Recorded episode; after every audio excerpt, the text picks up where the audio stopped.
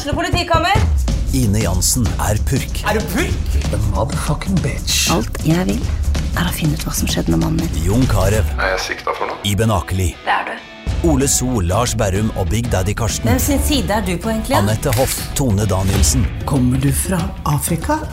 Jørnis Josef, Nesten. Kløfta. Trond Espen Seim, Det er synd å si det, men det var feil mann som døde. Purk. Premiere tirsdag på TV2 Play.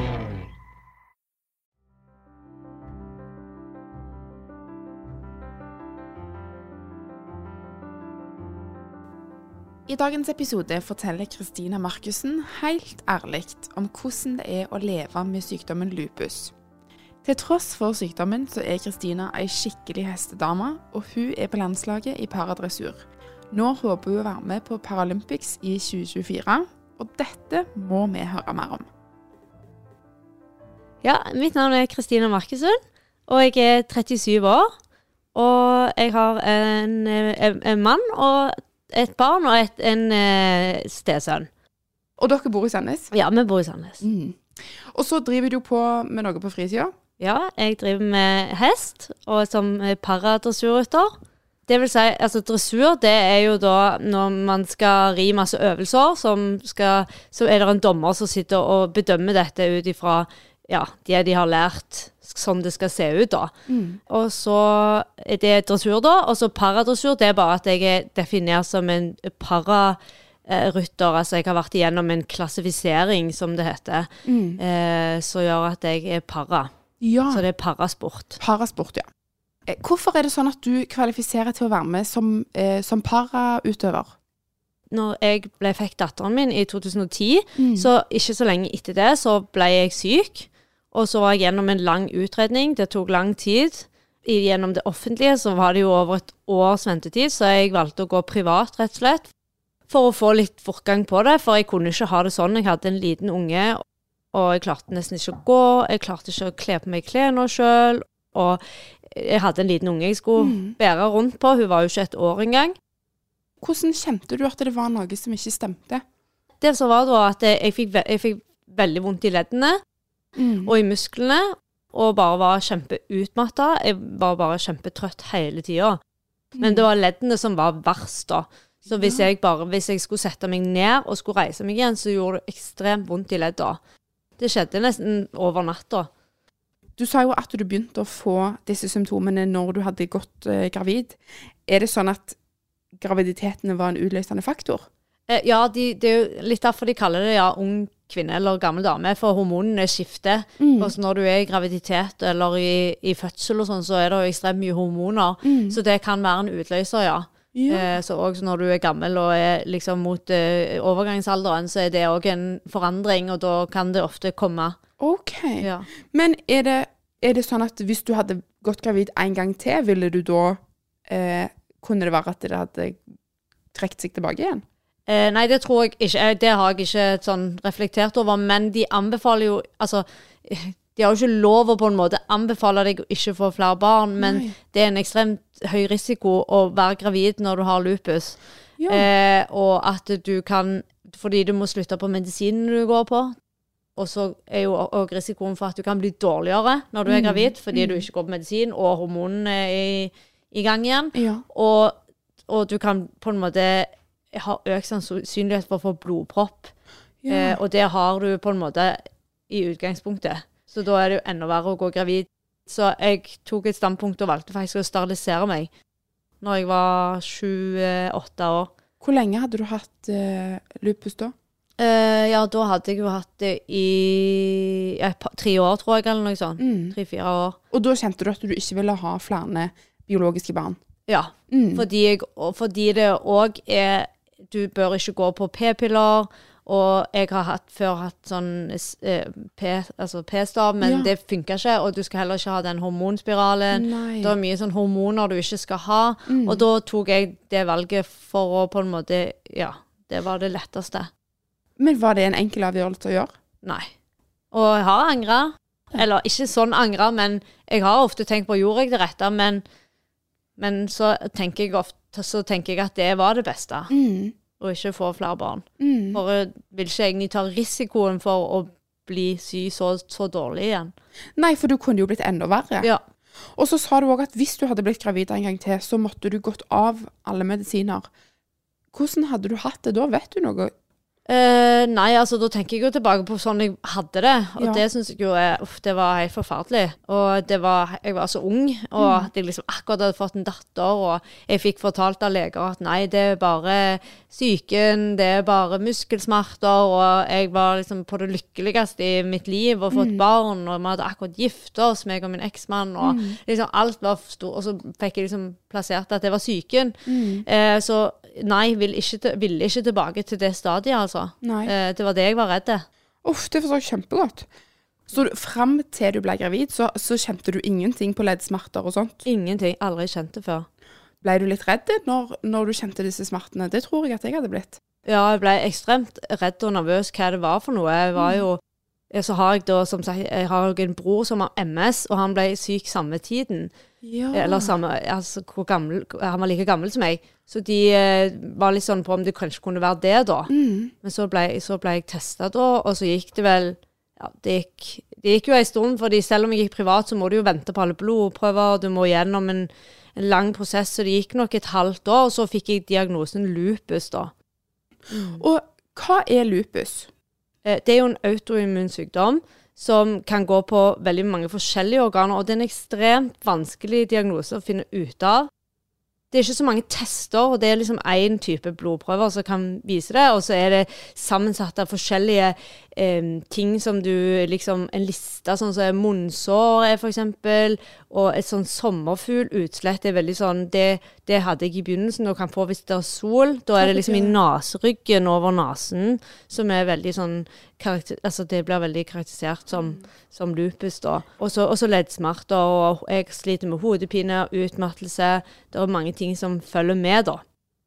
Hvordan var det når du, når du skulle finne denne diagnosen?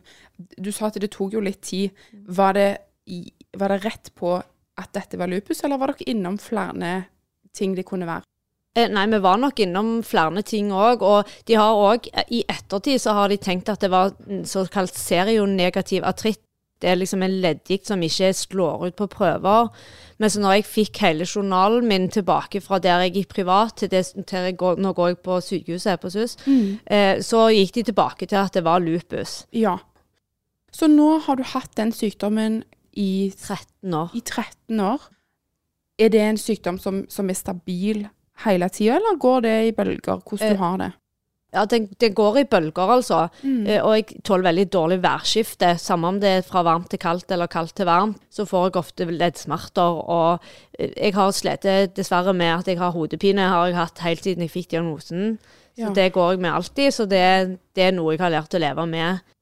Eh, og utmattelse er at jeg blir fort sliten av ting, og det gjorde jo da at i 2014 så ble jeg uføretrygda. Fordi at det var, det var ekstremt slitsomt å gå på jobb, fordi det, det tok så mye av energien min at det, da hadde jeg ingenting. Så Nei. de første åra av Pernille, datteren min sitt liv, så, så sov jeg mye bare på sofaen. Fordi når vi kom hjem fra jobb, og sånn kunne vi ikke ha det. Nei, selvfølgelig ikke. Du, du har jo vært litt inne på det, men kan du si noe mer om hvordan denne sykdommen har påvirka hverdagen din? Em, med, ja, hvordan, hvordan har det endra seg siden 15 år tilbake, f.eks.? Ja, altså jeg har alltid vært veldig aktiv, og jeg er jo fortsatt det på min måte. Eh, men eh, det endra seg jo med at jeg Det var veldig mye venner som jeg på en måte måtte Eller venner og bekjente jeg måtte på en måte innse at jeg ikke hadde tid til å på en måte ta vare på. Og jeg har ekstremt liten med veldig god vennekrets som vet hvordan jeg har det, hvordan kjenner meg, og jeg kan være helt meg sjøl. For ofte hvis jeg kan være på besøk eller reise på hytta, så trenger jeg hvile. Og da, da påvirker det meg med at jeg på en måte trenger den hvilen, og da må de akseptere det. Og så selvfølgelig jobb. Det var noe jeg brant for, å jobbe. Jobbet i helsevesenet i Sandnes og syntes dette var kjempekjekt. Og det måtte jeg liksom gi avkall på, da, for å ha en bedre hverdag.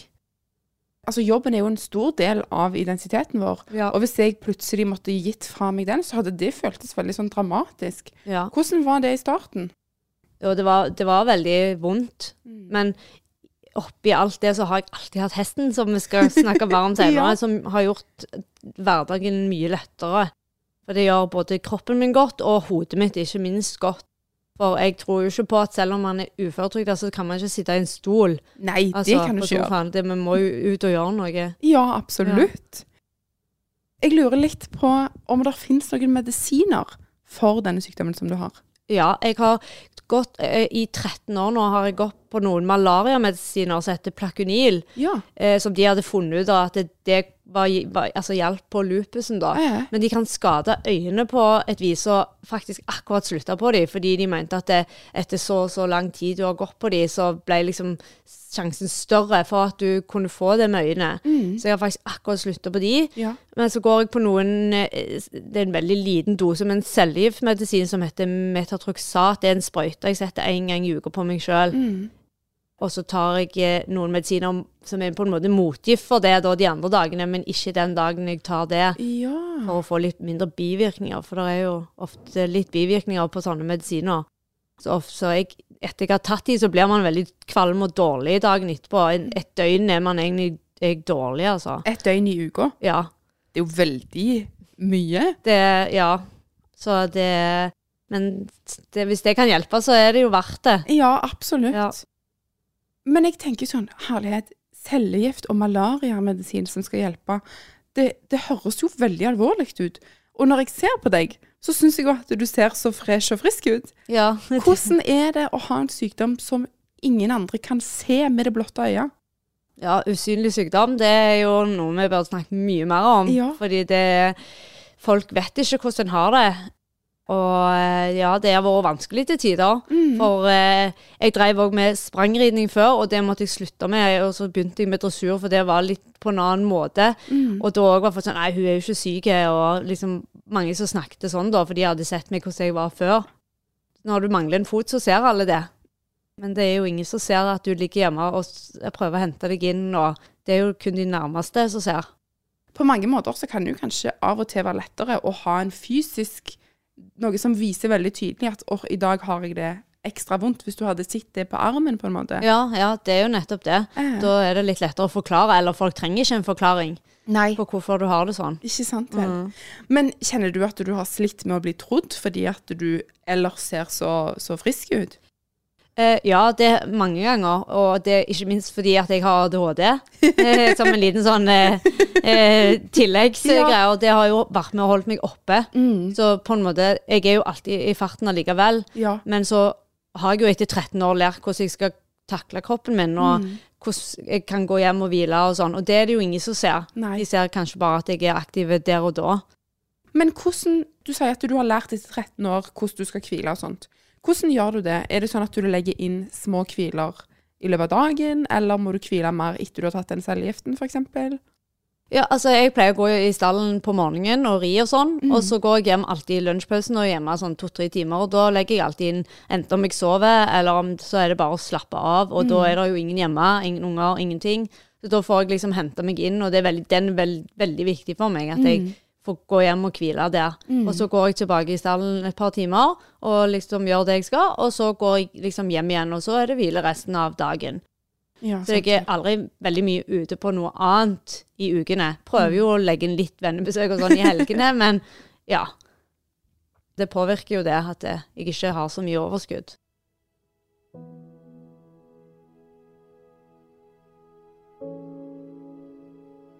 Vi må jo snakke litt om hest. Ja. Eh, og du nevnte jo at du er en del i stallen. Ja. Har du alltid likt hest? Har du alltid vært ei hestejente? Yes. Begynte når jeg var sånn 12-13. Ja. Så fikk jeg min, min egen hest når jeg var jeg tror jeg var 14. Så da, og da drev jeg aktivt med sprang Ja. gjennom de tiden, tiden jeg var aldersbestemt, og det var til jeg var 21. Men nå snakker du et språk jeg ikke forstår. Sprang. Hva Ja. betyr det? Da hoppet jeg Kinder. Ja! Ja. Over de der eh, stolpene. Ja, Ja. da hoppet jeg Kinder inne på, inne på en bane. Ikke ut i terrenget, men inne på en bane, ja. Mm. Så da rei jeg da hoppet jeg hinder fram til jeg var Ja, til jeg ble pararuter, da, men jeg rei til jeg var aldersbestemt, og så så hadde jeg en liten pause. Jeg fikk barn og litt sånn, og så begynte jeg igjen, og så rei jeg sprang som hoppet eh, i noen år til, og så ble jeg paradressurrytter i 2015. Ja, Ja. så det gikk ei stund fra du fikk diagnosen til du ble pararytter. Ja. Hvorfor? Nei, altså, det er jo en lang prosess å gå gjennom det òg, men jeg Ja. rei og sprang litt ennå, for det var jo det som var lidenskapen. Mm. Da så ble det liksom litt Det er litt sånn eh, intens Altså intens trening. Mm. Og når du skal hoppe, og jeg, jeg, bare, og jeg er redd for dette, for kroppen min tåler lite jeg, Mm. hvis jeg slår meg og sånn. Så da valgte jeg å gå i dressur, og det er sånn man gjør de her øvelsene inne på en bane som der sitter noen dommere og bedømmer. Da er vi på en 2060-bane. Så er det forskjellige bokstaver. Ja. Og så har du fått et program på, på forhånd Ja. der du skal ri forskjellige øvelser. Som du rir liksom for en, for en eller flere dommere. Mm. Og så blir du bedømt ut ifra det i prosenter. Egentlig i Ja. poeng, da, og så blir det omgjort til prosenter. OK. Er det sånn at hesten eksempel Jeg har sett at noen hester liksom tripper litt. Ja, du kan si Eller ja, jeg har ikke de øvelsene, men ja, du gjør litt sånn sidebevegelser. Ja. Og så gjør du litt, uh, litt sånn overganger, sånn at du skal vise at du, de er lydige. Mm. Ja, så lydighet og smidighet og sånn viser du i de forskjellige øvelsene, da. I 2014 eller 2015 begynte jeg med vanlig dressur, da, som Ja. da hadde jeg ikke blitt klassifisert som pararytter, da. Og da, eh, da Og så ble jeg det i 2000. Så skal du gjennom, da skal du inn til en fysioterapeut, og skal du levere alle diagnosene dine og alle funnene du har som gjør at du er svakere enn en funksjonsfrisk person. Så skal du gjennom da Så tester de alle de leddene som er aktuelle for den idretten du driver med. Eh, jeg kunne jo ikke vært para noe annet Nei. enn ridning, på en måte, fordi jeg er ikke nok handikappa til det, men jeg har Ja. en svak høyre side. Da eh, veldig svak og eh, stiv høyre side, som da satser jeg spesielt, og i fingrene mine. Så det vil si at det, det trenger jeg jo for å ri. Trenger beina og liksom klemme hesten til å gå fram, og så trenger jeg hendene liksom til å ja, styre og, og støtte. Da går du gjennom denne her klassifiseringen, som det heter, og så blir du klassifisert fra grad 1 til 5. 1 det er de som er min, altså mest funksjonshemma, Mm. og så 5 er de som er minst funksjonshemma. Ja. Hvilken klasse er du? Jeg er grad 5, Grad 5, så ja. den øverste, på en Mm. måte. Og da konkurrerer du mot andre i grad 5? Ja. Skjønner. Når gikk dette fra å være en sånn Du likte hest når du var liten, rei opp gjennom ungdommen, og så nå er du på landslaget. Når switcha det over til å bli noe proft? Eh, jeg har jo alltid vært veldig eh, Hva skal jeg si eh, konkurranse Altså vært meg Jeg har, ikke, altså jeg vil, har aldri villet drive med hest for å ikke konkurrere. Altså jeg har jo hele tida Ja. Konkurrert. Jeg har bare ikke vært på det nivået som jeg er nå. Jeg var litt på når jeg var helt aldersbestemt når jeg var junior. altså fra du var 16 til jeg var 18, så var jeg litt innom sånn satsingsgrupper og, mm. og rei litt utenlandsstevner og sånn i sprang, så der man hopper. Ja. Eh, og så, eh, men så i paradressuren så, så fikk jeg vel Ja, jeg var vel ute og starta mitt første internasjonalt stevne i 2017. Mm. Så jeg har jo drevet litt, men så er det litt med hestemateriale. Du skal ha en god nok hest. Og så har jeg hatt litt sånn forskjellige hester, og så litt in between-hester og Ja. sånn. Og så noen som ikke var helt gode nok. Og så når jeg fikk denne da for to år siden, den jeg har nå Mm. Han heter Zorro, er syv år, så han er ganske ung. Ja. Så jeg fikk han da jeg var fem, så jeg har liksom lært han det meste sjøl. Mm. Så når, da, det var liksom da det skjøt mest fart, og kan se mot å tenke på et Paralympics i 2024. Så spennende. Ja. Men det er jo veldig interessant det du sier om at du er jo faktisk avhengig av en annen part her, Ja. nemlig hesten. Og at ikke bare du skal være god nok, men hesten skal være god nok. Ja. Og dere to skal kanskje matche litt. ja. Er det lett å få tak i? Eh, lett kan det vel være hvis du har mange millioner på konto, men eh, det er jo ekstremt dyrt å kjøpe hest. Så for meg som er en helt vanlig dame som har uføretrygd, eh, så, så er det ikke så lett, nei. Jeg var ekstremt heldig, jeg har, men jeg har veldig jeg er veldig kjent for å på en måte få det til.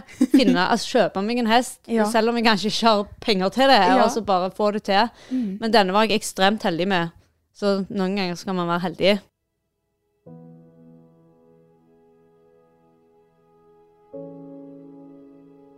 Hvor mye tid bruker du på hest og på stall og ja, alt dette her? Altså Hvis du spør familien min, så er det hele livet. Men eh, nei, jeg starter morgenen eh, i stallen i sånn mellom halv åtte og åtte. Og så er jeg i stallen og gjør litt sånn ting, og ofte rir jeg på formiddagen. Og så jeg går jeg vel hjem i ellevetida, så det er ja, to-tre Ja. timer på morgenen. Og så kommer jeg opp igjen, og da skal de jo ut og lufte seg, og så skal det møkkes over boks og sånn. Så da er jeg der vel i to-tre timer da òg. Eh, Så det går fort mellom fire og seks timer i dag til dagen. en arbeidsdag, liksom. Ja, det er nesten det. Bare med litt pauser imellom. Ja, heldigvis. Ja. Du, du sier jo at du går i stallen og du er med hesten og sånt, men er det noen andre som er i stallen samtidig, eller er dette en litt sånn enslig sport? Nei, vi er jo et team, og ekstremt viktig for meg å ha et team rundt meg. Med både trenere og støtteapparat og alt eh, som reiser så mye.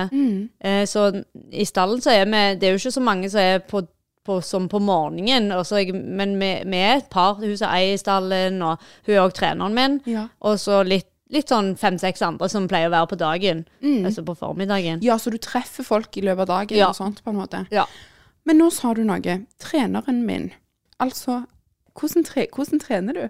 Nei, da har vi ridetime. Akkurat som du på en måte har i rideskolen, Ja. hvis du tenker det. Eh, men alene da med Og så trener vi på de her øvelsene vi gjør i programmene. Ja. Og ikke bare de øvelsene, men så skal òg hesten være smidig og liksom være løs i kroppen. Og for ofte når du skal liksom ri stevner, så skal de liksom være i en annen form, hvis man kan si det, da. Skal de liksom eh, være på stevneform, og så rir du de litt ned og rir de litt Ja. Hva, hva er det hvordan de ser ut? Ja, da skal de gå litt høyere i formen og Ja. sånn, og, og gå de her øvelsene som, også sånn som de på en måte er satt at de skal gå, da. Ja, skjønner. Ja, så når man ikke rir på trening òg, skal man òg få litt hjelp for å få de litt mer smidig, og så Mm. da står hun på bakken og hjelper meg i en halvtime til 40 minutter. Ja, så hun er ikke på sin egen hest. Nei, da er hun på bakken og, Mm. og underviser meg. Ja. Dette er kanskje et rart spørsmål, men siden du har vært hestejente hele livet. Men blir du noen gang redd? eh, ikke redd sånn eh, i, på hesten eller Mm. sånn, men, men altså, jeg ble jo nervøs. Altså, det gjør man jo. Ja. Og jeg har jo hatt litt sånn perioder. Jeg har alltid hatt kanskje litt vidle hester og litt sånn oppover, fordi jeg ikke har hatt penger til å kjøpe de, de beste. Så har det vært noen sånn prosjekthester oppover. Men, Ja. men, eh, men jeg, jeg er ikke sånn redd. Men jeg har jo ikke godt av å falle av, så jeg prøver, ikke, altså jeg prøver å unngå farlige situasjoner, da. Ja. Jeg rer liksom ikke på stranda i full galopp, liksom. Nei, det, det holder jeg meg unna. Ja. Hvor mye koster alt dette? Ja, altså Det er jo en ekstremt dyr sport. Mm. Eh, nå er jeg heldig, heldigvis så har en mann som tjener penger, siden jeg ikke jobber. Mm. eh, så han hjelper meg jo, og så har jeg litt foreldre og sånn som alltid har stilt opp og hjulpet meg. Mm. Men ja, det er ekstremt dyrt, og det er jo bare altså, Det er jo hvis du skal sette opp et, Vi må ofte sette opp et budsjett for å vise hva vi bruker penger på, og det er snakk om 100 000 i året. Ja, Og det er kun for å holde hesten. ikke sant Ja, vel. og, da, og så kommer stevner utenom, og så skal du jo ha en bil som kan trekke denne hesten. Og oh, så har vi heldigvis kombinert med at vi pleier å dra campingvogn, så vi har, Ja. liksom, kan si at det òg er til familien, da. Bilen. Ja, Ja, så, du, så det investeres ganske mye tid og penger i dette? ja det gjør det. Jeg, eh, mamma pleier å si òg det burde vært eh, støtte til det på Nav, Ja, fordi det gjør meg så mye. gjør det det? Det, det gjør hverdagen min helt annerledes. Hvordan da? Nei, det er bare å ha noe å gå til òg. Altså, det har jeg jo alltid gått til, men når jeg ble uføretrygda òg, liksom at det, Ha en passion og ha en lidenskap til at det, det er noen som er avhengig av meg, som på en måte ikke krever noe allikevel av meg. Jeg trenger ikke å snakke med han, jeg trenger ikke å uh, Han vet ikke om jeg har en dårlig dag, liksom. Ja.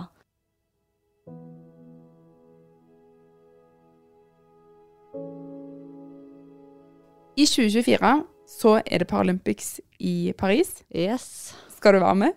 Eh, Ja, jeg må jo si at jeg, ja, det er det som er målet. Ja. Så må må vi jo se i løpet av sesongen da, om, om Eh. vi klarer å holde det målet. Men det er målet, og det er, det er realistisk mål å tenke sånn, i hvert fall ut fra sånn som vi er nå, og hva vei vi går nå i forhold til utviklingen vår. Så det er rimelig å anta at du skal til Paris i sommer? Jeg håper det. Må jo holde litt tilbake, men Ja. det er målet, og det, vi satser jo mot det. Hvorfor har du lyst til å, å satse mot dette? Nei, det er jo en stor drøm å kunne være med i, et Paralympics, altså. Det er jo det største, nesten.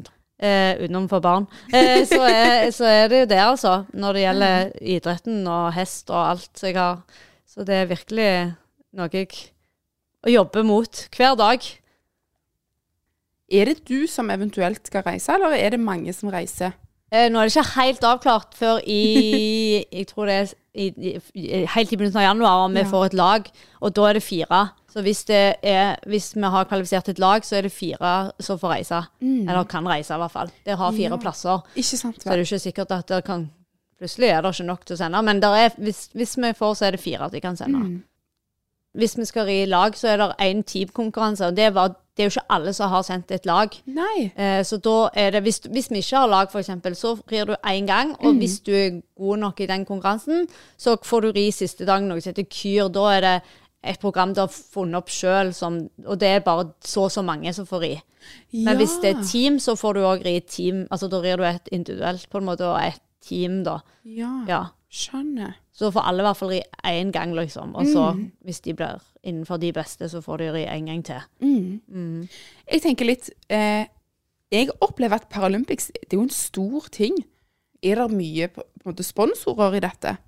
Eh, nei, altså i Paralympics og de tingene der, så er det jo på en måte Olympiatoppen som sender deg, da. Men, men, men da, jeg må jo sjøl skaffe ikke, ikke sponsor til selve Paralympics, men altså, det koster jo inn til det. Jeg må kanskje på treningsleirer i Danmark, for der er det litt nærmere ting, og, og sånne ting. Så jeg må bruke denne vinteren på å prøve å profilere meg sjøl, og prøve kanskje å finne noen som kan være med meg på laget, da, Eh. mot et Paralympics. Hvordan gjør du det? For jeg tenker litt sånn herlighet. Du er jo konkurransedame og, og liksom rir og sånt, og så må du drive og, og markedsføre deg sjøl på en måte, eller hente inn sponsorer. Er, føles det OK ut, eller er det litt rart? Jeg, jeg syns det er veldig rart. Eh, veldig rart. Og jeg har, jeg har fått et, hatt med meg et par før.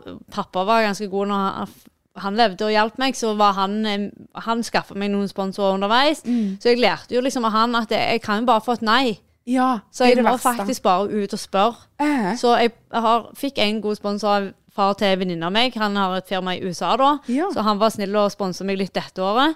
Så det var jeg veldig glad for. Eh, og så må jeg ut og prøve. Og jeg tenker at det er nå jeg egentlig må det, for det er nå de tenker på hvem de skal sponse neste år. ja, sant Ja. vel. Så, Men hvordan gjør Du sier ut og hente sponsorer. Hvordan rent sånn praktisk gjør man det? Nei, altså Sist år så i hvert fall skrev jeg en slags CV. Ja. skrev jeg bare om meg sjøl og hva jeg drev med og hva jeg satsa mot. Og, og sånn. Og så fikk jeg et, en godkjenning på, av Rytterforbundet at jeg faktisk på en måte er i det sjiktet. At det er ikke bare noe jeg finner på. Ja. sånn at det blir en slags godkjenning på at det faktisk er reelt at jeg satser mot de tinga. Sånn som i år var det jo mot nordisk og EM. Og de var jeg jo både i, i nordisk og i Europamesterskapet. Uh, så, så da må jeg ut, og, ut på dører. Er det sånn at de som ikke er parautøvere, må òg ut og hente sponsorer? Ja, nå kjenner ikke jeg så mange sånn i andre idretter. Altså, hest er ekstremt vanskelig å få sponsorer, fordi det er ikke så kjent i Norge, og det er ikke så utbredt i Norge. Så det er men selvfølgelig de som på en måte de beste, de har jo sponsorer, og det, jeg tror nesten at de får det fordi de er store. Og det tror jeg jo i mange andre idretter òg, som ikke er para. Og, og jeg tror para sliter generelt med å få sponsorer sånn. Eller ikke sponsorer, men sånn personlige sponsorer. Ja. Det er jo vanskelig.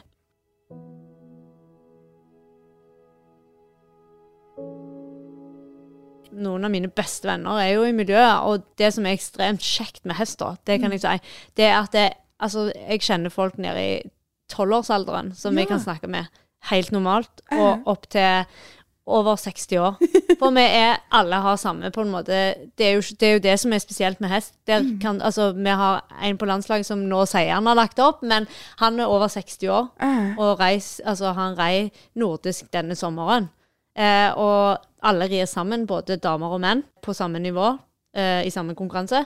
Så det er spesielt. Så det er jo, det er jo ekstremt kjekt og fint miljø eh, som ung og gammel. Ja, for Som- du blir kjent med folk på tvers av alle aldre. ja, og har alder har ingenting å si der.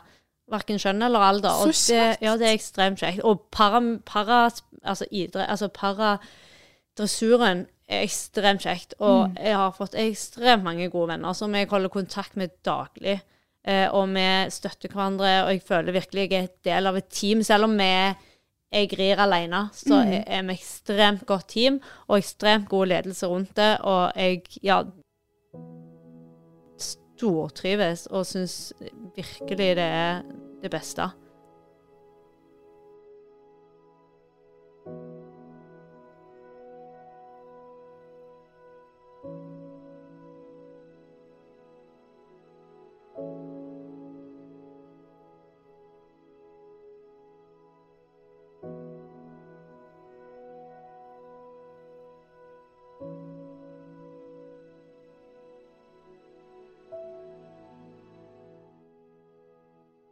Har du et enkeltpersonforetak eller en liten bedrift? Da er du sikkert lei av å høre meg snakke om hvor enkelt det er med kvitteringer og bilag i fiken, så vi eh, gir oss her, vi. Fordi vi liker enkelt. Fiken superenkelt regnskap.